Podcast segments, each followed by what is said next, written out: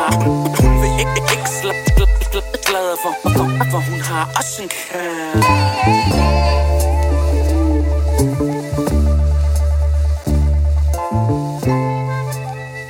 Hej og velkommen til Den Uendelige Musikhistorie.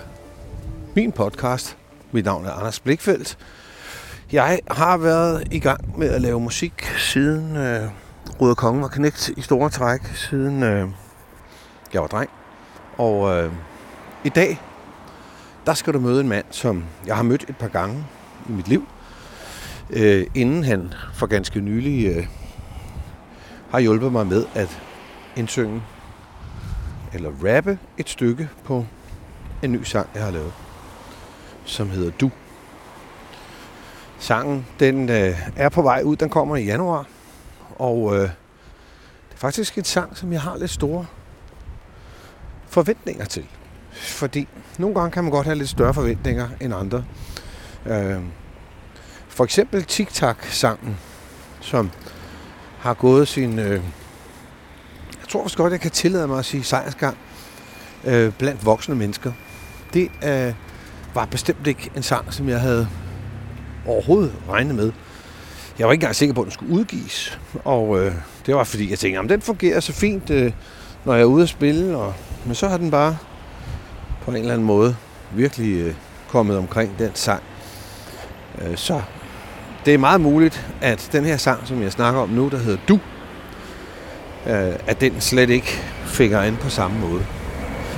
Man skal være klar over, at når man er øh, blevet 60 år, øh, så er det faktisk ikke det første og det nemmeste i verden at få en ny sang ud øh, til publikum. Fordi på nogle områder, så må man bare sige, så har man været der sådan rent radiomæssigt P3, P4, øh, de store kommercielle radiostationer, jamen øh, de er egentlig ikke specielt interesserede i musik fra sådan en gammel en som mig. Øh, det synes jeg jo på nogle måder måske er lidt uretfærdigt, men ikke desto mindre er det sandheden, og den er man jo nødt til at forholde sig til virkeligheden. Og øh, men altså, jeg har den her sang, og for første gang nogensinde, så tænkte jeg, at den, den kalder på et rapstykke. Og da jeg ikke øh, på den måde har tænkt mig at prøve at kaste mig ud i at være rapper, så har jeg henvendt mig til PDB, som øh, jeg har mødt nogle gange. Han er super dygtig, og han er sådan en af dem, der har vundet rigtig mange af de der øh, konkurrencer, hvor man battler mod hinanden hvor man får et emne, og lige pludselig repræsenterer en anden person, og så, øh, så, så gælder det bare om at freestyle derudad. Det er han mega god til. Øh, men det foregår så også på den måde, at når man arbejder sammen med en rapper, øh, så, så jeg, jeg fortæller ham ikke, hvad han skal rappe om, selvom det er mig, der har skrevet sangen. Det overlader jeg til ham. Og det gør man simpelthen. Øh, så det er sådan, at Pede, han har lavet et vers, et rapvers, som han øh, har rappet på min sang. Og øh, så i stedet for at sige, men hvad koster så det for dig til at gøre det? Jamen, så deler man faktisk øh, noget øh, af ophavsretten øh, ud. Og det vil sige, at, at en procentdel af min ophavsret på den sang, jamen den forærer jeg Pede. Og på den måde fungerer det som betaling. Så er der en organisation, som hedder Koda, som øh, så sørger for, at de penge bliver fordelt efterhånden, som sangen bliver spillet øh, ved offentlig fremførsel. Og det kan være både radio, og det kan være, øh, hvis man går ud og spiller den øh, live ude i virkeligheden. Så øh, det har været et super dejligt møde med, med Pede, fordi han er en, det vil jeg også kunne høre om lidt her, han er simpelthen bare den sødeste og den skønneste fyr. Ja, jeg skulle komme på flyvergrillen igen.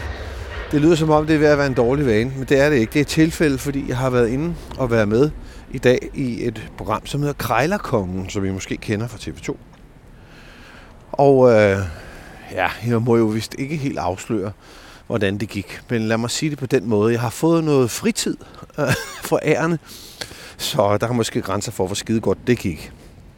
Men anyways, øh, så har jeg en aftale med øh, min søn Thomas og hans kone Eva og øh, min egen kone Marina om, at øh, vi skal hente lille Solvej, som er mit barnbarn, fra børnehaven, vuggestuen. Og øh, det er så først om lidt tid. Så derfor så er jeg altså endnu en gang øh, trukket ud mod flyvergrillen øh, i Kastrup. Så I hørte lige en Airbus gå i luften for et øjeblik siden. Hvis I altså kunne høre det. Ellers klipper jeg det her ud. Nå, men anyways, øh, en god tur med PDB, som på et tidspunkt også belærer mig lidt om vindstøj.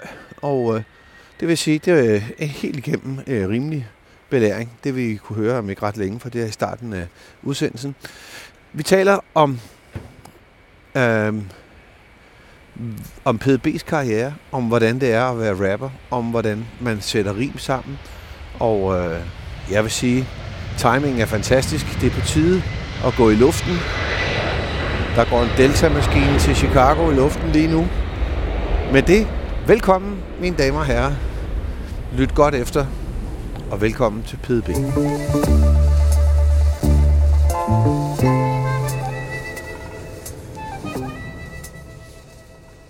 Er vi ved at gå ind i din garage nu? Nej, nu går vi, vi, går, vi går udenom her. Ja, Okay, nu går vi kraftedet i garagen. Klart.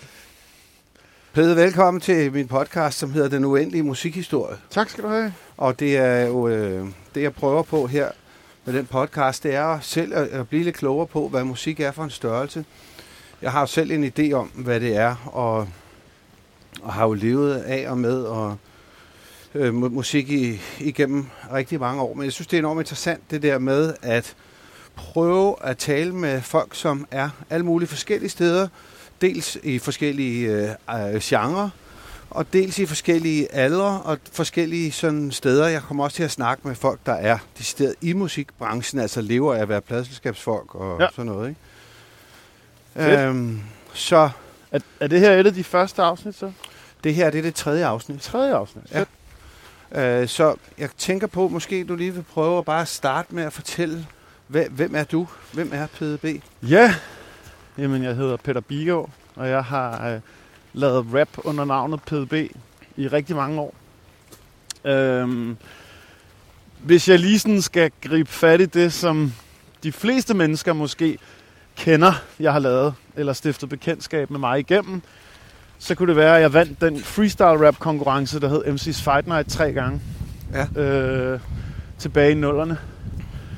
Øh, og endte med at trække mig, pensionere mig selv fra, øh, fra battle rap scenen i 2009, da jeg vandt det for tredje gang. Øhm, og det føles jo sjovt, det der med at have været 25 år på det tidspunkt. Og så Ja. bare føle, nu er jeg blevet for voksen til det her. Og når jeg kigger tilbage på mig selv som 25-årig, så var der ikke noget, der var særlig voksen ved mig lige der. øhm, men altså, for mig der var hovedfokus ligesom de skrevne tekster, ikke? Ja. Freestyle rap og battle rap var bare sådan en sjov ting, som jeg hele tiden dyrkede. Og jeg var så så heldig at dyrke freestyle rap, før at det blev rigtig populært. Så da freestyle rap lige pludselig blev kæmpestort i Danmark i 03-04, der var jeg allerede en af dem, der kunne finde ud af det. Ja. Øhm, så der kunne jeg ligesom ride lidt på den bølge. Men samme år, som jeg vinder første gang i 2005, der udgiver jeg min første plade, som bare var sådan en total selvfinansieret, vanvittig skive, der hed Et barn af tiderne. Øhm, og så er det så blevet til, lige om lidt udkommer mit 16. album. 16 album. Ja. Det er alligevel også meget. Jamen, ja, altså, øh, man kan jo kamuflere det på alle mulige måder og fortælle om, hvorfor man er så produktiv og sådan noget, men jeg tror i bund og grund handler det om, at det er jo det, jeg tænder på ved alt det her. Altså, det er ikke lige så meget at være ude og spille, eller planlægge, eller tage pressebilleder, eller et eller andet. Jeg er bare en stolt håndværker, Ja. der godt kan lide at lave det her. Og hver eneste gang, jeg er færdig med en plade, og der kommer den der periode på 5-6 måneder, før den kommer ud, så går jeg jo faktisk i gang med den næste. Fordi det er jo egentlig det, jeg godt kan lide at lave, ikke? Jo. og jeg ikke rigtig kan holde op med at lave. Så, og så gik det også lidt amok under corona, fordi der var så meget ekstra tid. Så jeg endte med at udgive to albums i 20 og to albums i 21. Ja, okay. Måske bare lige for, uh, for the record, altså når du siger freestyle, Ja. kan du ikke lige prøve at forklare, fordi det, det kan godt være, at nogle af dem, der, der hører den her Jo. podcast, ikke lige præcis ved, hvad det er. Freestyle rap er i bund og grund bare improviserede raptekster. Ja. Og den eneste måde, man kan vide, at det er improviseret på, det er ved, at publikum, eller konferencier, eller dommer, eller et eller andet, giver dig noget, du skal rappe ud fra. Ja. Så det kan for eksempel være et emne, du skal rappe om, eller en eller anden særlig rolle, du skal påtage dig, og så freestyle rappe, altså improvisere raptekster ud for det. Og jeg freestyler stadigvæk rigtig meget. I alle mine koncerter er der indlagt nogle steder, hvor jeg freestyler. Men battle rap trak jeg mig tilbage til, som var den version af freestyle, hvor to mennesker stiller sig op over for hinanden, og så sviner de hinanden til. og så er der til sidst nogen, der siger, hvem der har vundet. Ikke? øhm, det er sjovt. og det, det, var, det var fedt, og jeg er så glad og taknemmelig for, at det var en del af mit liv, fordi Fight Night blev så stort, som det blev. Men, men jeg tror også, til sidst var det nødvendigt for mig at, øh, at distancere mig lidt fra det, fordi jeg blev meget bare ham, der svinede andre folk til, hvor det rimede. Ikke? Ja.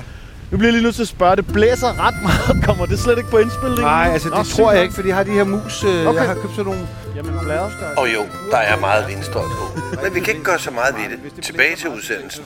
Ja, ja, ja. Altså, så må folk skulle lige øh, leve lidt med det, ikke? Jo, 100. Det kan også være, at jeg kan finde en eller anden, øh, noget, der kan fjerne det, noget af det, eller et eller andet. Ja. Men nu går vi til, hvor det lige bliver lidt bedre, ikke? Ja, jo, 100. Okay, jamen, øh, spæ- øh, fedt.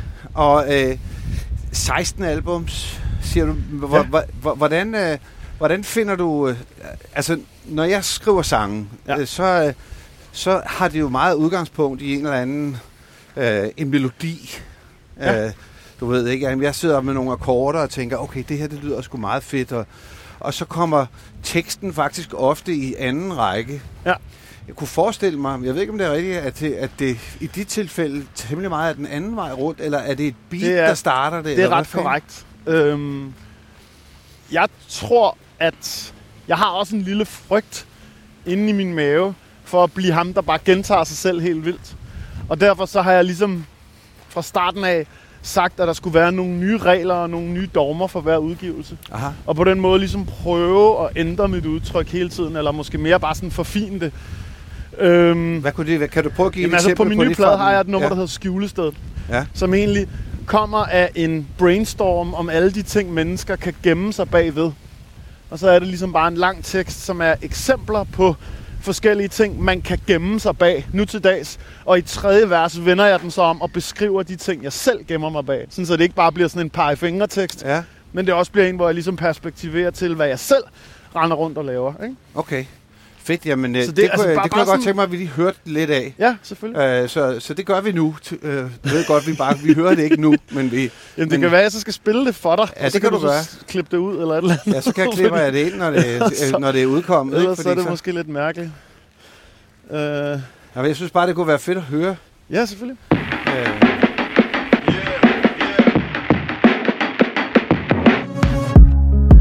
sted du lukker dig ind Og smækker døren efter dig hver gang du åbner dit sind.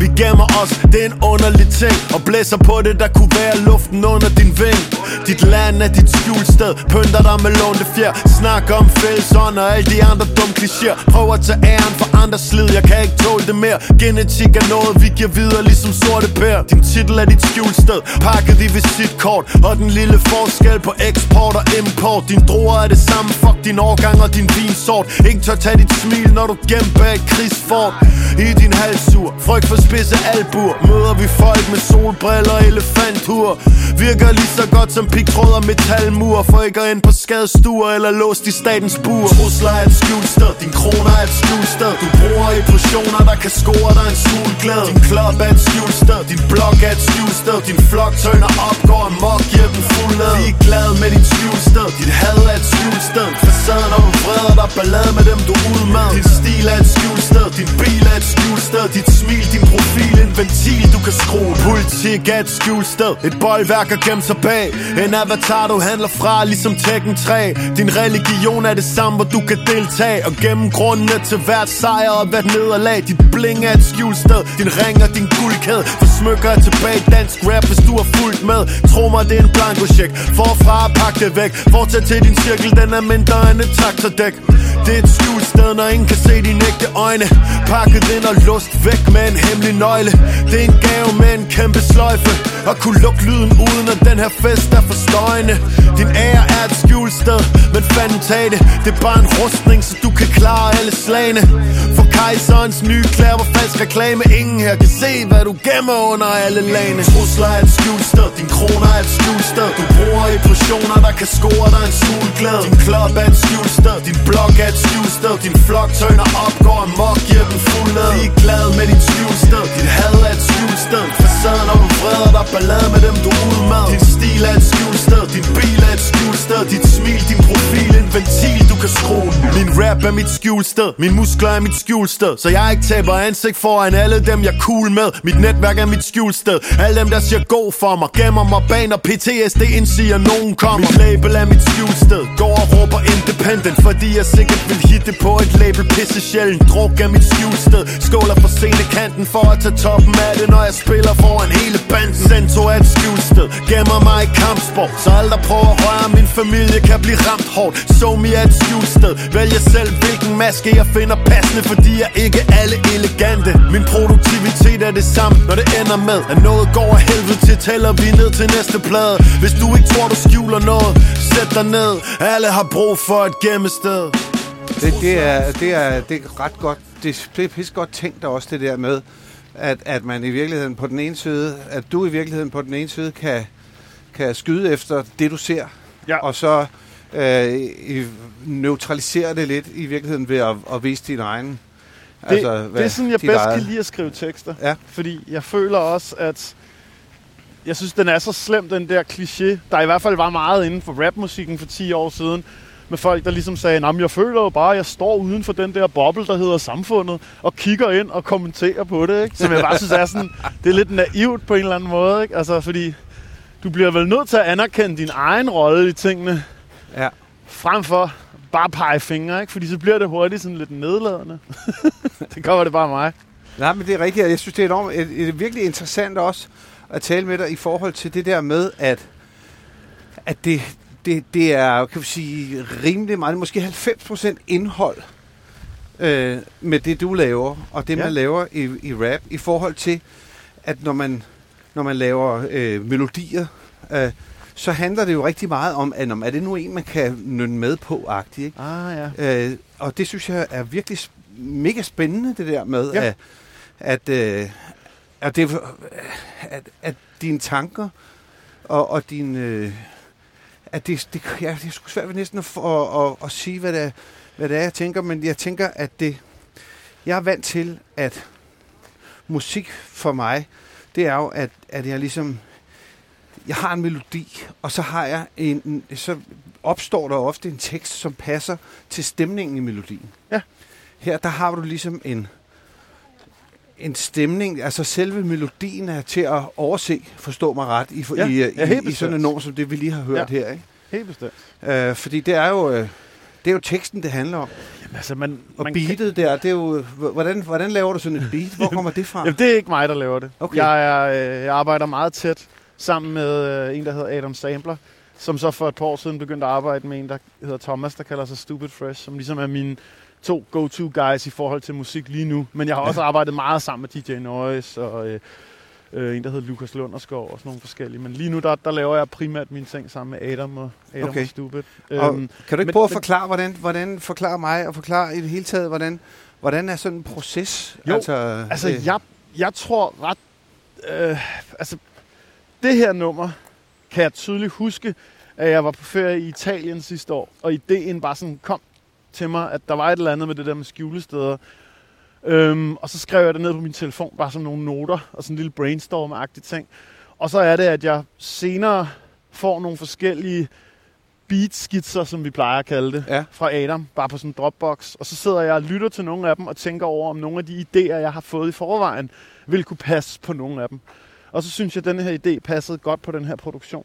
Og så går jeg bare i gang med at skrive det, og det er så rigtig lang tid for mig at skrive et nummer. Det er sådan en sådan 8-16 timer eller sådan noget, hvor jeg bare sidder og jeg er virkelig en nørd omkring Bliver det du i det? Altså, Ja, når ja. først du startede på det, så, så, så Nej, bliver nej, du i sporet, eller går du nej, til og fra? Det er faktisk forskelligt. Nogle gange kan jeg godt lægge det væk i rigtig lang tid, og så komme tilbage til det, men typisk så er processen virkelig at køre det i tomgang, mens jeg løber en tur, eller står i mit køkken, eller et ja. eller andet andet. Og så, og så skriver jeg sådan på den måde. Ikke? Det er meget sjældent, at jeg skriver i studiet. At jeg bare sådan sidder øhm, og, og laver det hele der. Der er mange, især unge rappere, jeg snakker med, som er sådan, lad os mødes i studiet og vibe. Og jeg synes, det er super hyggeligt at tage i studiet og bruge en aften på at lave et nummer og sådan noget, men jeg synes bare ikke, det bliver lige så godt som når man har muligheden for at tænke det rigtig meget igennem. Okay. Øhm, så, så det er sådan typisk, jeg gør det. Og så indspiller vi det over skitsen, og så arbejder Adam og Thomas videre på det. ja, Og okay. ligesom bygger skitsen færdig omkring de vers, jeg har indspillet. Ikke? ja. Det, det, er, det er mest sådan, vi gør Så det. du har ikke på den måde fingrene nede i selve mu- musikproduktionen Nej, særlig jeg, meget? Jeg, jeg kan ikke spille på noget. Jeg, jeg, jeg, har ikke, jeg har ikke så meget at byde ind med det. Altså, jeg er selvfølgelig med til at tage nogle stilistiske valg og sådan noget, ikke? og sige, det der synes jeg er fedt, og det der synes jeg ikke fungerer så meget, men, men jeg bidrager ikke så meget til selve den Nej. proces, desværre. Nå, nej, men det, det, det, jeg synes bare, det er virkelig interessant. Øh, Jeg har også lagt mærke til, nu har jeg første gang, jeg overhovedet mødte dig, det var jo en gang inde i Tivoli. Øh, der tror jeg ikke, du kan huske, at du mødte mig, men jeg kan huske, at jeg mødte dig. Jeg kan huske det ret tydeligt den dag. Ja. Øh, I grøften. Nej, hvor sjovt! Ja, Det er rigtigt! ja. Øh, hvor du var inde øh, netop at lave sådan noget freestyle til et eller andet arrangement, jeg var med, Ja. øh, hvor jeg var med til, jeg tror, det var et golfarrangement eller Ja. sådan noget, Ja, ja, ja, Paul ja, ja. Eriksen der. Der Præcis. Mine forældre kendte Paul rigtig godt. Havde... Nå, okay. Øh, Paul, der desværre er, er gået bort nu. Ja, Men de- ja ham de var- holdt jeg ja. også meget af. Øh, men, men det var der, hvor du var inde sammen med en anden. Jeg kan Ja, ikke huske, en, der hedder Mikkel, som Ja, også har det- vundet Fight Night. Ja, og hvad hedder det? Øh, der kan jeg bare huske, at jeg blev sådan helt... Øh, jeg blev virkelig blown away over det der med, at, at I bare gik rundt og sagde, Nå, men hvad siger du, og hvad siger du, og hvad skal det handle om? Og Ja. der var mange af sådan nogle kendistyper med, kan jeg huske, med Preben Elkær og alle Jamen, mulige andre. Så vidt jeg husker, så var det John Faxe og Preben Elkær, der kom op til den der, nu siger jeg scene, men det var jo Ja, bare ja. sådan et hjørne Ja, på ja, grøften, ikke, til ja. det her velgørenhedsarrangement. Og så fik vi hver af dem til at komme med input til, hvorfor vedkommende var sejere end den anden. Oh, ja, Og så tog vi de input og brugte dem til at svine hinanden til, som om, at vi repræsenterede hver fodboldspiller. Ja. Øh, ja, ej, det er sjovt. Ja, det var bare, det var, for mig var det så virkelig en, en, en øjenåbner, fordi jeg må være helt ærlig at sige, at, at det, har, det er aldrig noget, der har... Altså, det, jeg har ikke rigtig kommet i gang med, med rap. Jeg har altid godt kunne lide det der med, at det... Jeg har altid elsket det der med det rytmiske element i, ja. at man kan, kan rappe, men jeg har, det er ikke noget, jeg har... Det, jeg har aldrig været tiltrukket af det på den måde. Nej. Øh, men lige præcis der, der blev jeg det bare. Altså, det var fedt. og det, det, det var, det, og der slog det mig bare, hvor, hvor kreativt det var. Ja. Men også hvor uhyre øh, stor, øh, hvor meget man, sk- jeg tænker, at man som freestyler øh, øh, skal have i, øh, i rammen simpelthen. Altså, man må virkelig skulle have mange. Altså, Ja. ja. Jamen, og det lagde jeg også mærke til på det nummer, vi lige hørte før, dit nye, dit nye nummer, at øh, jeg synes, at rimene er utrolig fantasifulde. Altså nogle gange, så kan man diskutere, om det overhovedet rimer, men det gør det jo. altså, det, og dermed basta Ja, ja, ja. Jo. Øh, og, og det er det, som... Også fordi jeg vokset op med sådan noget med, altså, det skal fandme rime. Altså, du ved ikke? Og Jo. der synes jeg, der har jeg faktisk lært meget af hiphop og rap. På den måde, at specielt efter jeg er gået over til kun at lave musik på dansk, at, øh, at det, øh, det, det, det skal rime, men det behøver ikke at være hjertesmerte rime nødvendigvis. Det kan sagtens Nej. være, øh, at man at det er en del af et andet ord, men der, hvor det næste først kommer i den næste linje og så videre. Altså, det, ja, Ja, det ja, synes ja. jeg er mega fedt. Um, Og, og det der med, at vi sådan, der er lidt mere nørdet omkring det, går super meget op i det der med, at det skal være flerstavelsesrim. Ja. Sådan, så det aldrig bare er hat på skat, men er klassekammerat på kasseapparat. Ikke? Altså sådan, ja. Fordi vi, vi er sådan nogle nørder, der har gjort det her alt for lang tid. Men det er, jo, det er jo fordi, man kan sige, for mig, der kan du vælge at imponere rigt, på rigtig mange måder inden for din rap. Altså, der er ligesom en masse forskellige parametre, du kan skrue op og ned for, ikke? Så jeg kan synes, en rapper er dygtig, hvis vedkommende har sindssygt meget styr på flow, eller stemmeføring, eller omkvæd, eller et eller andet. Eller punchline, som det hedder. Altså de der sådan sjove dobbeltbetydninger, der kan være ja. i en tekst. Eller øh, for sådan en som mig, det der med, at det rimer rigtig meget. Ja. Og så er det ligesom en måde, du kan fange dit publikum på. Og jeg vil sige, fordi der er så meget rap i dag, så er det næsten endnu vigtigere, at du fra starten af viser et rimelig højt teknisk niveau, synes jeg. Ja. Fordi jeg hører så mange nye rappere hele tiden, jeg bliver præsenteret for via sociale medier, internettet og sådan noget generelt, at, at hvis jeg bare på de første fire linjer kan høre, at det er sådan rimelig fantasiforladt rimmæssigt, så scroller jeg hurtigt videre. Ikke? ja. Men hvis jeg har nogle startlinjer, som fanger mig, så synes jeg, det er, øhm, der er en større chance for, at jeg hører det færdigt. i Ja, men det er meget interessant, fordi det minder jo på den måde meget om min egen måde at høre musik på. Ja. Altså, fordi hvi- hvis jeg hører noget, hvor at jeg synes, at flosklerne står i kø, eller Ja, præcis. at okay, den der akkordsammensætning, den har man godt nok virkelig hørt Ja, ja. øh, så mange gange, at Og man det er er ved jo- at blive sindssyg af det, ikke? Og det er jo sådan noget, jeg er bange for ved at spille musik for folk, der, der, der er rigtige musikere i gåsøjne. Ikke? Altså fordi, at så, så, så kan jeg spille et nummer, og så står der en, der siger til mig, Nå okay, det er de rigtig klassiske akkorder, var. Og jeg er bare sådan, jeg ved overhovedet ikke, hvad der er, du taler om. Fordi jeg har Ja. bare sådan, jeg har, fo- har fokus på teksten i det her. Ja. altså, så det er nok også sådan en fælde, jeg falder i selv. Altså. Ja, ja men det, det, og det gør man jo nogle gange. Altså, jeg har selv, altså, i de, de, nogle af de akkorder, som jeg, øh, som jeg har mest hån til overs for øh, sammen, i sammensætning, altså A-mol, F, øh, C, G, som er With or Without You, With or Without You, og alle mulige andre, så mange forskellige Ja. sange, der er bygget Okay. op omkring det, ikke? Ja. Altså, lige pludselig øh, for nogle år siden, så sad jeg og fandt mig selv, havde lavet en, en, havde lavet en ny sang på lige præcis de akkorder. Ja, ja, ja. Så havde jeg bare startet et andet sted, end lige præcis på A-mål, og så, så, så troede jeg, at den gik alligevel, ikke? Altså, du ved, men, men det er bare enormt interessant, synes jeg, det der med, ja. hvordan man, øh, hvad det er, man bliver fanget af. Ja. Øh, jeg havde en pladselskabschef for mange år siden, der hed Kjeld som desværre ikke er her mere. Øh, og han havde sådan noget, han sagde altid, første linje, første vers. Klart. Det er der, man, det, Ja. det, det er der slaget skal slås. Det er ikke i C-stykket. Fuck. C-stykket. Ja.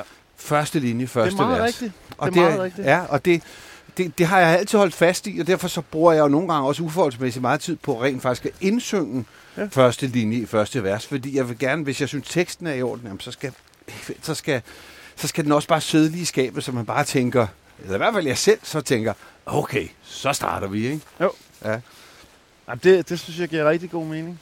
Hvordan øh, øh, øver du? Øh, jamen, jeg skriver jo næsten hver dag. Ja. Øhm, jeg, altså, og, og der er igen mange rappere, når jeg siger det til dem, så er de sådan, at det lyder, jeg vil køre tør i det, eller eller andet, hvis jeg skriver hver dag. Men jeg tror bare, jeg er så meget bare en stolt håndværker, at, at jeg har lidt behov for at gøre det her hver dag. Ja. Øhm, så, så den del af det øver jeg mig jo i, ved ja. Bare at gøre det hele tiden. Ikke? Men i forhold til freestyle rap, ja, så øver jeg lidt en gang imellem, men slet ikke lige så meget, som dengang vi stillede op til konkurrencer og sådan Der noget. øvede man, Der øvede altså, der, der var man nødt til at øve ja. meget, simpelthen Virkelig, for, virkelig for meget. øh, og Ja. hvordan fanden gør man det? Jamen, det er jo egentlig bare sådan, at øh, stå og fodre hinanden emner. Ting, man skal rappe om. Ja. Og så når man ikke har nogen øh, ved hånden, så kan du tage en bog ned fra hylden og slå op på en random side og se, hvad der står der, og så rappe ud fra det, ikke? Ja. Øhm, og det er jo et af de år, hvor jeg, øh, hvor jeg, hvor jeg var med, men ikke vandt, var i 2008, hvor min øh, ven og sparringspartner Mikkel vandt. Og det var bare så psykedelisk, fordi vi havde måske stået i to måneder hver dag og øvet os over for hinanden i, øh, i min lille stue. Øh, og så lige pludselig så stod vi i den aller, aller, aller sidste finale runde over for hinanden igen. I en udsolgt KB-hallen, ikke? Nej, hvor vildt, mand. sendt live på tv og sådan noget. Og der lavede jeg noget af det dårligste freestyle, jeg har gjort i mit liv. Men det var bare fordi, det var så svært at tage situationen helt alvorligt på en eller anden måde. Fordi vi samtidig bare stod og smilte til hinanden. Og jeg var bare så glad på Mikkels vegne, da han vandt. Så jeg var faktisk fuldstændig ligeglad med, at jeg ikke havde vundet der. Fordi jeg synes, han fortjente at vinde. Så Hvor er meget. det fedt. Hvis vi prøver at, hvis vi prøver at spole tilbage, hvad- kan du huske, øh, hvad din allerførste, altså her er vi helt tilbage i, i barndommen, hvad, Ja. hvad, hvad er første gang, hvor du tænker, hold kæft, det er fedt det her? Altså øh, mus, noget musik eller noget, altså ja, ja altså- noget musik altså- af en eller anden art. Rapmæssigt, der var det MC Ejner, ikke? Fordi min mor hørte MC Ejner. Ja. Øhm, på kassettebånd.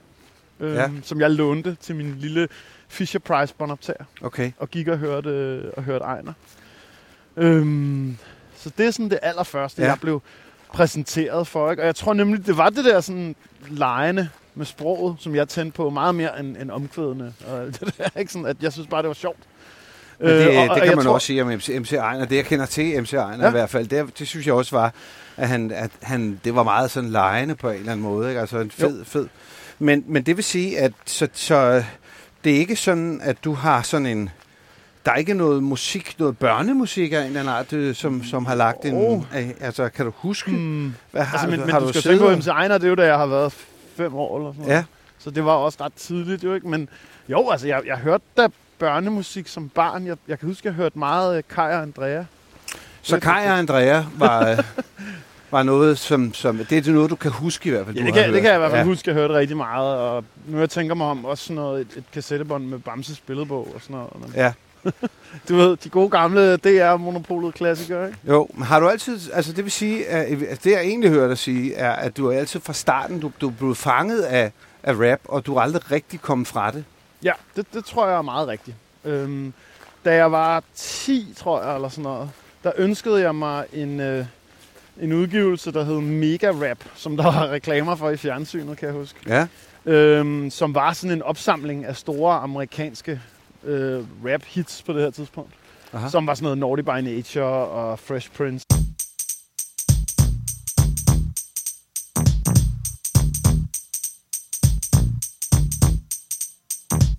Now this is a story all about how my life got flipped, turned upside down, and I'd like to take a minute, just sit right there. I'll tell you how I became the prince of a town called Bel Det var Air. sådan den første store udenlandske skive. Jeg- Jeg var 10 år i 94, ikke? så det Ja. var sådan den første sådan store udenlandske ting, jeg hørte. Og så har det bare ligesom hængt ved. Min, øh, min hustru Anna, hun driller mig tit med det her med, at jeg jo ikke rigtig hører andet end rap, og det synes hun er sådan lidt fantasiforladt på en eller anden måde. og så prøver jeg at komme med de der få eksempler på andre ting, jeg hører, men det er ikke sådan særlig meget. Altså. Nej. Jeg plejede at høre meget reggae, men så tror jeg hele dancehall-bølgen der i Danmark i, ja, hvad var det, 2013-14 eller sådan noget, den mættede mig lidt, så jeg har ikke rigtig hørt reggae siden. Du er den første, jeg kender, som, som, øh, som er startet direkte på, på rap, som ikke ligesom er kommet fra et Ja. eller andet, og så er det, er det rappen, der sådan har, måske har overtaget. Men, men det, det synes jeg er også- enormt interessant. Altså, Men det er også det, der er så sjovt ved genren, ikke? at jeg synes som oftest, den bliver sådan lidt set ned på. Øh, I hvert fald, hvis man sådan ser de store medier og sådan noget. Ikke? Og, og, og det bliver ligesom set som sådan en meget ung ting, hvor jeg er sådan, altså, min mor, hun fylder 70 i år, og hun Ja. hørte Ejner i 80'erne. Ikke? Altså, det er som om, okay, vi skal måske ikke så ung en genre af det, altså, Nej, nej. ikke, du ved. nej, det, det er fuldstændig rigtigt. Uh, Altså, og jeg kan jo huske, altså, jeg bliver 60 nu her i år, ikke? Ja. Og, og jeg kan huske der, hvor, øh, at da jeg hørte det, noget af det første, jeg hørte, det var jo, øh, det har jo været, hvad fanden hed det, det der, altså her, hop, og her, hvor du, her, hvor du, ja, Sugar Hill Gang. Ja, lige præcis, ja. I said the hip hop, the hip the hip to the hip hip hop. You don't stop the rockin' to the bang bang boogie. Say up jump the boogie to the rhythm of the boogie to beat. Now what you hear is not a test. I'm rapping to the beat, and me, the groove, and my friends are gonna try to move your feet. You see, I am Wonder Mike, and I like Det, to da say det kom, hello. det var sådan, det var mega fedt, synes jeg. Ikke? Altså, Ja, men, øh, men der havde man jo også sådan en, det var virkelig noget nyt. Ja. Altså, øh, det der med, og var det, var, det, var det nu musik, eller var det ikke musik? Det var der store diskussioner om. Øh, I fjernsynet var der jo øh, forskellige øh, musikprofessorer, der udtalte sig om, at det var det ikke, og andre nej, nej. sagde, at det var det. Og, øh, virkelig interessant, synes jeg. Øh, Men jeg kan sagtens forstå kritikken af rap dengang. Fordi, altså, sådan som jeg har kunne læse mig frem til i hvert fald. Jeg har begyndt at læse rigtig mange sådan rapperbiografier og Ja. historiske bøger om det og sådan noget. Og, og så var det jo det der underlige med, at det jo var øh, disco breakbeats, der ligesom bare blev nuppet. Ja. Ja. Og, så, og, så, og så fremførte folk faktisk i flere omgange de samme vers hen over dem. Altså sådan så, at på Sugar, øh, Rappers Delight med Sugar Hill Gang, som du lige Ja. rappede noget fra der, der er det faktisk, nogle af versene er ikke de folks egne vers. Det var okay. nogle, de havde hørt andre fremsige, men så var de bare ligesom blevet sådan klassikere. Så det var ligesom at gå rundt sådan bare fremføre nogle ord, man havde hørt andre sige. Ikke? Ja. Så jeg kan godt forstå kritikken, men, men jeg synes jo selvfølgelig 100% at det er musik, ikke? Men jeg kan godt se lige på det tidspunkt, der var det måske sådan lidt en underlig, underlig størrelse, ikke? Jo. Jo, altså, det, det, det var det jo, men altså, det, det kan man sige, det er alle genrer måske, når først, når først de starter op, ikke? Altså, jeg Totalt. Kan jo også huske, da punkmusikken kom, for eksempel, ikke? Altså, Ja. hvor man også bare tænkte, hvad fanden sker der? Altså, hvad, hvad, hvad foregår der simpelthen? Jeg var virkelig øh, øh, revet, revet med af det simpelthen med Sex Pistols og Ramones og sådan noget. Jeg synes bare, det var mega fedt, fordi der var så meget energi i simpelthen, ikke? Øh, men du har aldrig været omkring at, at lave øh, at, altså rap på engelsk? Eller? Øh, da jeg var teenager, prøvede jeg nogle enkelte gange, men jeg tror aldrig rigtigt, det, det fungerede ikke rigtigt. Nej. Altså. Men jeg var er- også sådan, altså det skal jo også siges, i forhold til mig og min rejse i alt det her, så var jeg ikke sådan, jeg havde ikke rigtig selvtilliden til at tro, at jeg kunne leve af musik. Så jeg begyndte først at leve af rap, da jeg var 7-28 år. Okay. Øhm, og 7 9 13 det er så lidt over 10 år siden nu, og det, det kører da fint. Ja. ja. Men, men altså, jeg tror bare, jeg så det som sådan en grineren ting at gøre ved siden af. Ja. Og så kunne jeg ligesom leve mit helt almindelige liv og have et job og sådan noget. Og så, fordi jeg, ja, altså jeg blev jo i sin tid mega forelsket i den der umiddelbare reaktion. Det der med, at så kunne man stå i skolegården og rap for nogen, og så kunne man kigge på dem og se, at de synes, det var skægt, det man lige sagde. Ja. Meget mere, end det var, at åh, jeg skal bare op på en kæmpe scene og spille for en masse mennesker og sådan noget. Det var det andet, jeg tændte på. Ikke? Ja. Øhm, så, så ja, jeg, jeg var jo ligesom en del af sådan et lidt glemt dansk musikkapitel nu, som var sådan den her jam-kultur, der var i nullerne i København. Mm. Og det var faktisk i hele Danmark egentlig, men vi var så mest en del af det i København. Som jo bare var de her arrangementer på små spillesteder, hvor at så var der 5-6 små undergrundsnavne på plakaten, og så spillede man jo nærmest for hinanden, og de få andre, der havde forvildet sig ind til hiphop jamsene. Ikke? Ja. Og der var jo, altså, da det kørte allermest, var der jo tre om ugen i København eller sådan noget, og man væltede rundt og spillede til forskellige arrangementer hele tiden. Det er meget stor forskel til, hvordan det er nu, hvor ligesom hver eneste ungdomsklub i, i landet har en, øh, en, en eller anden form for indspilningsmulighed nede i kælderen eller sådan Ja. noget. Så jeg ser rigtig mange unge rappere nu, som har fået super meget styr på det der med at indspille. For det har de ligesom haft mulighed for at nørde. Men når de så er ude og spille en koncert, så ved de slet ikke, hvad de skal gøre. Nej. Hvor vi havde jo den helt modsatte tilgang, hvor vi fik så meget live-erfaring. Og så til gengæld kunne vi en gang imellem ligesom skrabe nok penge sammen til at tage i studiet. Ikke? Jeg skylder en kæmpe stor tak til øh, Martin Femmer, der havde et studie, der hed Tramp dem ned på Amager, som var den første, vi ligesom mødte, som havde et godt hjemmestudie, som man Ja. kunne lege meget billigt. Okay. Altså sådan 400 kroner per nummer eller sådan noget, ikke? Og så kunne vi indspille ude hos, ude hos ham. Øhm, tilbage der i 02-agtigt. Øh, hvor, hvor, hvor før det, der var det kun sådan, enten så skulle folk ud og bruge rigtig mange penge, eller også så øhm, indspillede de på øh, produktionsskoler og medieskoler og Ja, sådan noget rundt ja. ja. omkring. Ikke? Jeg nåede lige da jeg var 14 at få sådan den sidste smag på det der med at optage analog. Øhm, Okay. Fordi min ven Joel, som øhm, 5 Dop, som jeg stadig spiller med i dag, som også er en virkelig dygtig tatovør, skud ud til Custom Graphics, skal man lige huske at sige. Ja. Øh, han var sådan den første, der hævde mig lidt med nogle steder. Og han hævde mig også med ud på den produktionsskole, han gik på, hvor vi indspillede på sådan en gammeldags øh, seksspors øh, harddisk recorder. Ikke?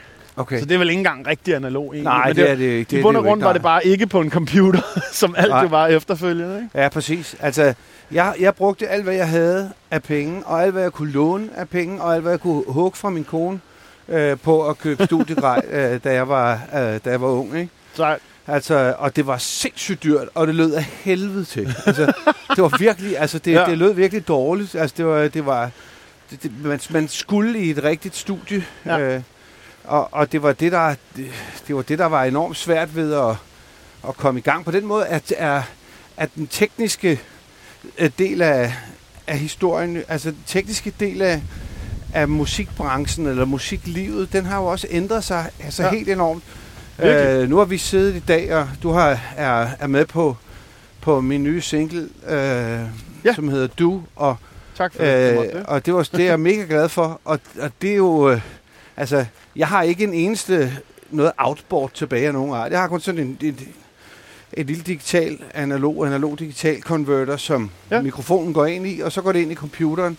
Men for at lave en tilsvarende lyd, øh, da jeg sådan begyndte at tjene penge, og begyndte at lave mit første rigtige studie, ja. Ja. der har man måske brugt omkring 50.000 kroner udelukkende på at have en god mikrofon for at Ja, forstærker, og Selvfølgelig. en EQ, en EQ og, en, og en kompressor.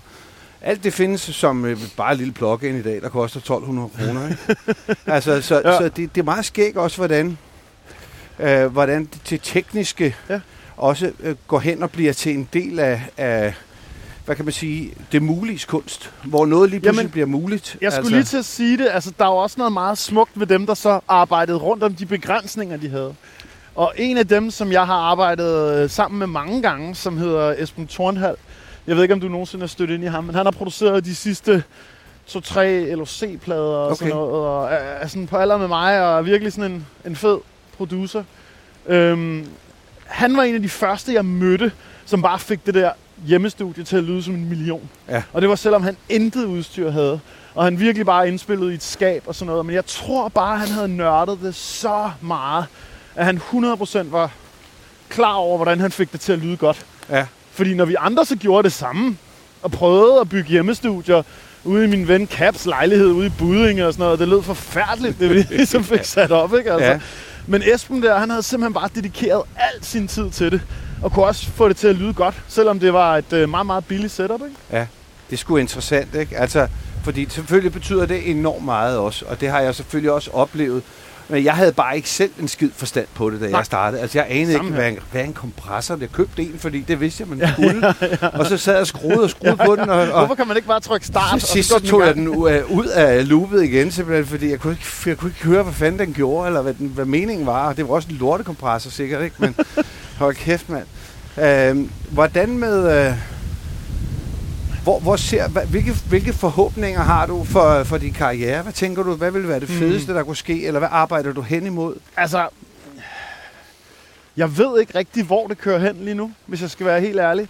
Hvis du havde spurgt mig, da jeg var 18 år gammel, så havde jeg sagt, det var umuligt at være over 30 og lave rapmusik. Ja. Men så ser jeg de kolleger, jeg har, som er 5-10 år ældre, som Suspekt og Clemens og LOC og Per V og øh, øh, alle de her Ja. Noise og Static og alle de her dygtige, dygtige folk, som kom lige sådan før mig, eller hvad man siger. Øhm, så ser du dem ramme de der aldersgrupper. Og så bliver det lige pludselig afmystificeret på en eller anden måde. Ikke? Og så Jo. er det sådan, gud, man kan godt være 32 og lave rapmusik. Og nu er alle de der folk oppe i 40'erne, og jeg er 39 nu, og jeg, jeg er overhovedet ikke bange for at blive ved med at lave rap. Nej. Hvilket jeg måske havde været for 10 år siden. Ikke? Jamen, det jeg, er er, rigtigt. jeg er meget taknemmelig for i min karriere, at vi har fået et meget, meget stærkt følge af en hel masse supportere, som virkelig går op i at følge mig og mine venners musik med, øhm, med, med, med meget stor entusiasme. Fordi jeg har ligesom, jeg har aldrig rigtig blevet taget ind af, hvad kan man kalde det, af mangel på bedre ord, smagsdommerne.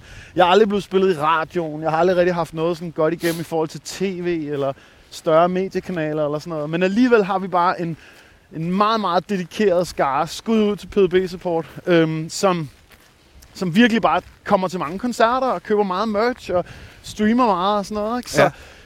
jeg, jeg, jeg håber, at, at, at jeg ligesom kan blive ved med at, at leve af min musik på den måde, som jeg gør det nu. Men jeg synes selvfølgelig, det, det, det er vanvittigt svært at sige. Ikke? Jo. Men der er ikke noget, der tyder på, at det ikke skulle ske. Jeg, jeg, jeg tør aldrig sige sådan noget med Nå, nej, nej, men, overhovedet, men, men jeg kan huske min egen tanke om... Jeg kan huske, da jeg mødte øh, Nick og Jay første gang på, ja. Ja. på Grøn Koncert, øh, eller Grøn, hvad fanden det nu hedder, Grøn et eller andet, i starten af nullerne. Har vi spillet samme år på Grøn så også? Det kan godt være, ja. Yes, vi spillede med Fight Night-holdet i øh, 7, 8, 9 og 10. Øh, nej, der, det er tidligere. Nej, okay, jeg er klar. tidligere, fordi ja. det her, øh, jeg kan bare huske, at det var lige da, det var Nick og Jay var lige startet, og Ja. de var med. Øh, og, og, øh, og Boing Boing var lige kommet, og tænkte, hold kæft, mand. Og, så- og så kan jeg bare huske, at jeg tænkte, hvad fanden, hvad vil de gøre om 10 år eller om 20 år? Ja. Altså, men der kan man jo sige, det, det der sker, det er jo bare, at man på en eller anden måde finder en måde at, at, at være i sin tid på. 100%. Øh, og det synes jeg er enormt interessant. Ja. Øh, fordi jeg kan bare huske, at jeg havde det der billede af lige præcis med Nick og Jay, det der, af de der sådan en pige, øh, som i sådan en boing boing video lige pludselig som 40-årig eller 45 år, hvor man tænker, okay, hvor, så er det måske ikke helt så altså, Nej, nej. øh, fantastisk øh, længere, og det er i hvert fald slet ikke det, der den er skrevet til, vel? Altså, og den, men på en eller anden måde, så, så det kan jeg jo også se for mig selv, så bliver, altså, man, man rykker bare med sin egen tid, og så på en eller anden måde, så, så er, er man jo bare der, og så får man ligesom det ud af det, man, man jeg, kan. Jeg har, jeg har hele tiden set på musik som noget, hvor at du bliver nødt til at give noget af dig selv. Ikke? Jeg føler lidt, at hvis jeg har hørt et helt album fra en artist, og jeg ikke føler, at jeg kender vedkommende en lille smule bedre bagefter, så er jeg blevet snydt, så vil jeg gerne have mine penge tilbage. Mm. Fordi der er en meget stor forskel på, om du sidder i et studie og tænker, hvad føler jeg indvendigt, som jeg kan skrive om? Eller modsat, hvad bør jeg skrive om, for at folk kan tage godt imod det? Ikke? Jo. Og hvis du vælger, ja, ja, hvis du vælger mulighed nummer to, så vil du bare hele tiden forsøge at reproducere et eller andet udtryk, som andre mennesker har lavet. Ikke? Jo. Og så gør du jo præcis det modsatte af at give noget af dig selv. Og jeg vil jo gerne have, jeg vil gerne købe ind på en artist. Jeg er vildt stor fan af en øh, tysk rapper, der hedder Sido, hvor, hvor jeg synes, at man igennem, fra han startede, og det er en, helt, det er en meget længere forklaring. Jeg har lavet en, øh, en podcast i fire afsnit, om, eller fem afsnit om tysk hiphop, mm-hmm. sammen med en journalist, der hedder Mirko, som man kan tjekke, hvis man vil vide meget mere om det. Øh, men, Fedt. men Sido, han, øh, han har ligesom formået at blive ved med at afspejle, hvor han er henne i livet.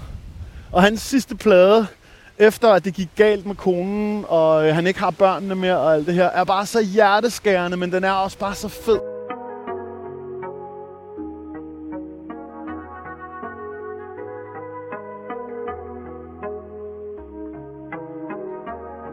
Die Sonne scheint, Handy klingelt, Siggi komme vorbei, sitze in meinem S500. Denk an die alte Zeit aus dem Boxen Royal Bunker. Die Sonne scheint, Handy klingelt, Sigi ruft an. Ich bin high, Bruder, lass mal ein bisschen rumfahren. Ich komme vorbei, sitze in meinem SL500. Denk an die alte Zeit aus dem Boxen Royal Bunker. 2002. fordi den 100% viser, hvem han er nu, ikke? Og jeg føler det der med, hvis du ligesom kan blive ved med at, at vise, hvad du føler indvendigt, så, øhm, så, så kan det fungere. Ja, så er det i hvert fald stadig relevant. Og så, Det er nok en jamen, det er det. det. Altså, så er det relevant, fordi at- det, om ikke andet, så er det relevant for en selv. Ikke? Og det, Jo. det har jeg i hvert fald altid selv øh, tænkt over med, med det, jeg har lavet, at så længe det gør mig glad, eller gør, giver mig den, en tilfredsstillelse af en eller anden art, Ja. øh, så, øh, så er der også en mulighed for, at det kan give andre den Ja. samme oplevelse. Ja, 100%. Ja. Hvad, hvad med, øh, hvordan er det med øh, dit image og sådan noget? Er det noget, du arbejder meget med? Nej, Nej. ikke rigtigt. øh, jeg, jeg tror næsten, jeg er sådan lidt anti-image et eller andet sted, i forhold til, at jeg bare er så meget mig selv i alt det, jeg laver. Ja. Øhm, og det er jo også en sandhed med modifikationer, fordi man viser jo altid de sider, man helst vil have. Ikke? Men, Jo. men jeg, er, jeg er meget taknemmelig for, at jeg har haft sådan en afslappet tilgang til sådan noget som image og sådan noget. Fordi hvis jeg nu havde ført mig frem som sådan en fandenskale fra starten af, så tror jeg, det ville være mere mærkeligt at være i slutningen af 30'erne og hente børn i børnehaven og sådan noget. Ikke? Og Jo. så stadigvæk skulle fremstå som den her hårde banan. Ikke? Øhm, så nej, det er ikke sådan rigtig noget.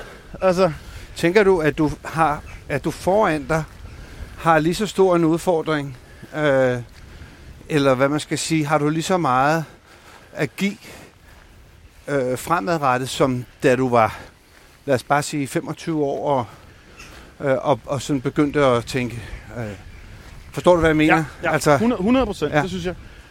Og jeg synes også, at man kan jo øh, få lidt inspiration fra det der. Jeg tror, det er øh, Steffen Brandt, der har sagt på et tidspunkt, med det første efter fjerde plade, du holder op med at prøve at lyde som alle mulige andre. Ikke? Jo. Øhm, og at, øh, altså, jeg har det sådan lidt med musik og, og kunst og alt muligt, at hvis du har en følelse indvendigt, som du er så god til at beskrive, at modtageren får samme følelse, så har du gjort dit arbejde ordentligt. Ikke? jo. Og vi holder jo aldrig op med at føle noget. Og det håber jeg da i hvert fald ikke. Medmindre vi tager kæmpe bunker nervemedicin eller eller andet. Ja. Har, Øhm, har du, hvad hedder det, øh, nogensinde, er, i- har du været i perioder, hvor du har været træt af din egen stemme, for eksempel? ja, ja. Jeg hører aldrig min egen musik. Du hører ikke din egen musik? Nej, overhovedet ikke. Slet ikke. Kun når jeg skal øve noget op, så når ja. Ja. vi skal ud og spille med det. Øhm, jeg tror, jeg har det sådan lidt... Når jeg har lavet et projekt færdigt, så har jeg ligesom bare givet det til nogle andre. Eller til verden, eller hvad man nu siger. Ja. Og så ejer jeg det ikke mere. Og så kan jeg ikke gøre noget alligevel, hvis der er noget af det, jeg har lyst til at ændre. Øhm, og, så, og, så handler, og så er jeg jo hele tiden i gang med at skrive noget nyt, ikke? Ja. Øhm, så, så det, men jeg har, jeg har haft perioder i min karriere, hvor jeg var så træt af alt det, der lå rundt om det at lave musik, at jeg følte, at jeg ikke gad mere overhovedet. Er det musikbranchen, du Ja. tænker på? Ja, ja, her? 100 procent. Ikke? Hvordan, hvordan ser du øh, den danske musikbranche fra, Øhm, fra din side? Den er meget bølgedrevet. Altså, det handler lidt om, at nu er det det her, der er det nye, og så løber vi alle sammen i den retning. Og det synes jeg er sådan lidt dræbende over for almen kreativitet, ikke? Jo. Jeg har hørt øh, nogle amerikanske radioværter og sådan noget sige det der med, at amerikansk hiphop er inde i en ny guldalder lige nu. Og det begrunder de med, at så forskellige ting kan være på toppen lige nu. At de største amerikanske navne er J. Cole og Kendrick Lamar og øh, øh, øh, Migos og Cardi B og Macklemore og navne, der er så voldsomt forskellige. Ja. Og det faktisk bare viser, at man kan komme til tops med meget forskellige udtryk. Og, og det har jeg bare hele tiden lidt følt, desværre var det modsatte i Danmark. Ja. At det er lidt ligesom om, at nu synes vi alle sammen, det her er fedt. Og jeg ved ikke, om det handler om, at vi for få mennesker, eller der er for få outlets, eller hvad Ja, fanden nogle gange så glemmer man jo det lidt, at vi, at vi har en befolkning på størrelse med Hamburgs. Ikke? ikke. Ja, lige præcis. altså, Og der er voldsomt fed hiphop fra Hamburg, jo. ja, ja. Men, men, men, men det er jo rigtigt, og det er jo også det, der, gør- som jeg synes Ja. gør det enormt svært nogle gange at være, at være i den danske og musikbranche at høre- og verden. Og det er, at der, der er ikke ret meget Nej. Plads jo. Altså, der er ikke ret, du kan jo ikke tage på, på turné øh, og spille øh, øh, 100 koncerter. Altså, fordi der er ikke 100 man ikke. spillesteder, eller det er der, men så har du, Så har du været også virkelig været tre gange i. Horsens og sådan noget. ja, lige præcis. Ikke? Jo, jamen altså, øh, det er jo nok derfor, at, at ligesom jeg sagde tidligere, jeg bare er så super taknemmelig for, at vi har nogle så hardcore supportere, der bare følger det, jeg laver. Fordi så er jeg ikke lige så afhængig af, om der er nogle andre mennesker, der vender tommelfingeren op eller ned. Nej. Fordi, Og det, det er jo også, jeg synes, netop det der med, du ved, jeg, jeg kan... Det er også fordi, det, det er så let det der med som, som, som dansk musiker med sådan noget P3-bashing og sådan noget, fordi øh, hvorfor spiller de ikke mig? Og man ender bare altid med at lyde super utaknemmelig, ikke? Men, men, men, men, men faktum er, at hvis man fik noget support derover, ville det gøre tingene enormt meget lettere. Ja. Og det får jeg bare ikke. Og så Nej. bliver jeg jo ligesom nødt til at sige, "Nå, men så må jeg jo arbejde med de ting. Og det har jeg så gjort, og bare udgivet en hel masse ting ved siden af, og gjort lidt for at bygge mine sociale medier op og sådan nogle Ja. ting. Ikke? Og Og det er jo, der kan man sige, der er virkelig social media jo kommet ind som en, som en, en spiller, som, Ja. som øh, på, på mange måder jo har, har udraderet radio, ikke? Jo. Altså, Jo, men det- det er så jeg, vildt. jeg, har, jeg har prøvet at være P3, hvor jeg blev spillet rigtig meget. Jeg har prøvet at være P4, hvor vi nærmest var P4's flagskib med Big Fat Snake, ja. da, Ja. da de ændrede øh, deres kurs fra, fra ligesom at være at spille øh, øh, danstop til at spille øh, øh, almindelig øh, øh, musik, hvad jeg lige vil sige. Ikke? Jo. Og så har jeg prøvet øh, også igen at ryge af Ja. og finde ud af, hvor, hvor, hvor, meget, det, hvor meget det betyder. Ja. Og, øh, og disruption, altså hvor man er gået fra at sælge CD'er til ikke at sælge Ja. CD'er. Alt sammen Ja, ja. inden for et år eller to, du ved, ikke? Jo. Hvor man tænker, hvad fanden gør man så nu? Øh, til øh, i mit eget lille bitte øh, univers øh, her er at have den sidste sang, jeg har lavet, som er gået hen og blevet en sang, som alle venter på til mine koncerter. Det er en sang, som aldrig er blevet spillet i radioen. Den har kun spredt sig øh, via øh, Facebook først og fremmest for mit ja. vedkommende. Ikke? Og det synes jeg bare er virkelig interessant. altså prøv at høre, jeg har jo mit, mit allerstørste hit har jo aldrig været en single. Og det er et nummer, der hedder Hun vil have, som bare i forvejen var sådan en fanklassiker godt nok og sådan noget. Men sidste år, der gik den super viral på TikTok. øhm, selvom nummeret var 10 år gammelt. Ja. Og lige pludselig var der en ny bølge af teenager, der kom til vores shows. Og jeg fik ligesom sådan en helt ny gruppe af supportere, som jeg bare var mega, mega taknemmelig for. Øhm, Hvad gør du for at holde fast i de, i, i de mennesker? Når, når du står på scenen, siger du bare så, husk at- gå ind og øh, like, eller gør jeg de bliver bare, det af med sig selv? eller det hvad? samme, ikke? Altså, og så, Ja. øh, så øh, laver PDB Support, som jo er sådan en rigtig organisation nu og sådan noget. De har en bestyrelse og en bestyrelsesformand. altså, det er Selvfølgelig skørt. har de det. Jamen, det, det er vildt nok. Men de laver jo blandt andet nogle store førfester, før alle koncerterne. Aha. Og øh, har også lavet bare nogle, nogle fester, hvor, hvor de ligesom hyggede sig sammen og sådan noget. Ikke? Og det er, det, det er i hvert fald rigtig, rigtig lækkert. Men du ved, det der, da det skete det der med, med TikTok sidste år, jeg jo ikke rigtig på TikTok, så jeg vidste ikke rigtig, hvad det betød og sådan noget.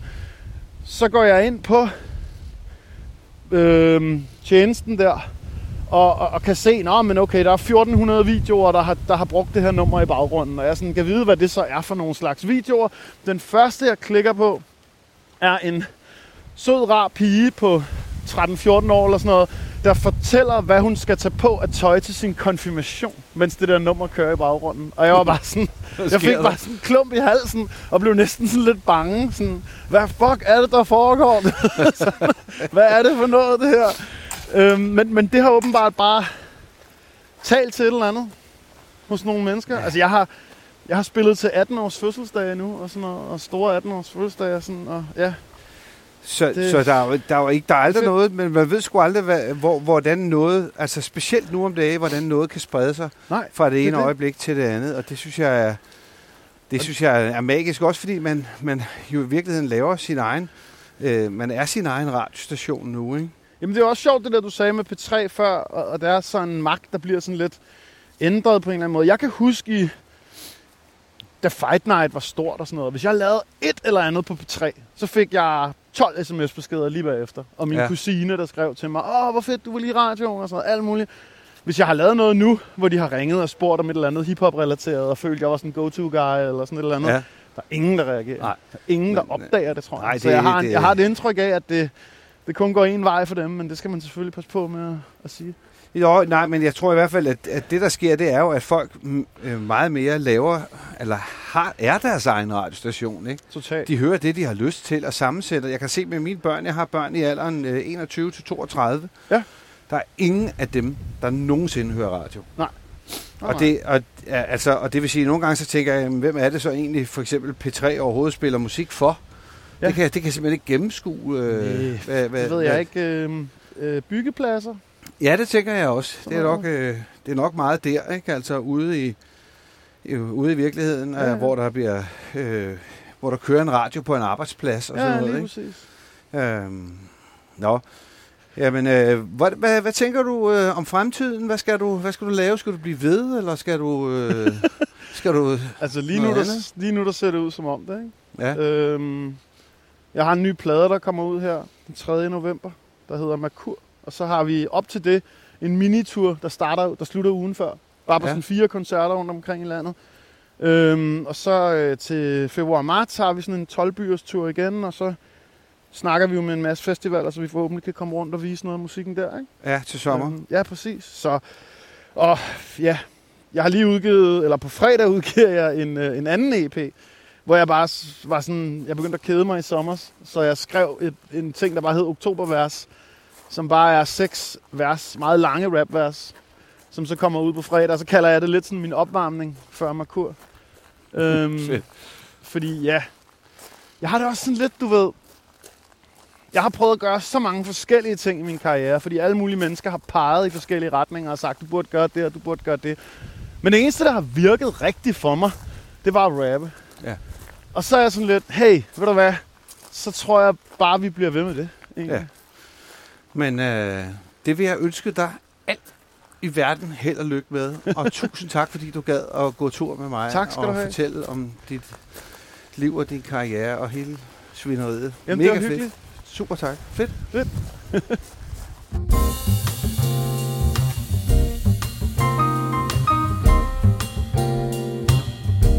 Tak, PDB, for en fantastisk hyggelig gåtur og for masser af gode råd om vindstøj, og jeg ved ikke hvad. Der var meget vindstøj på den her, men hold nu op, hvor det også bare blæste den dag.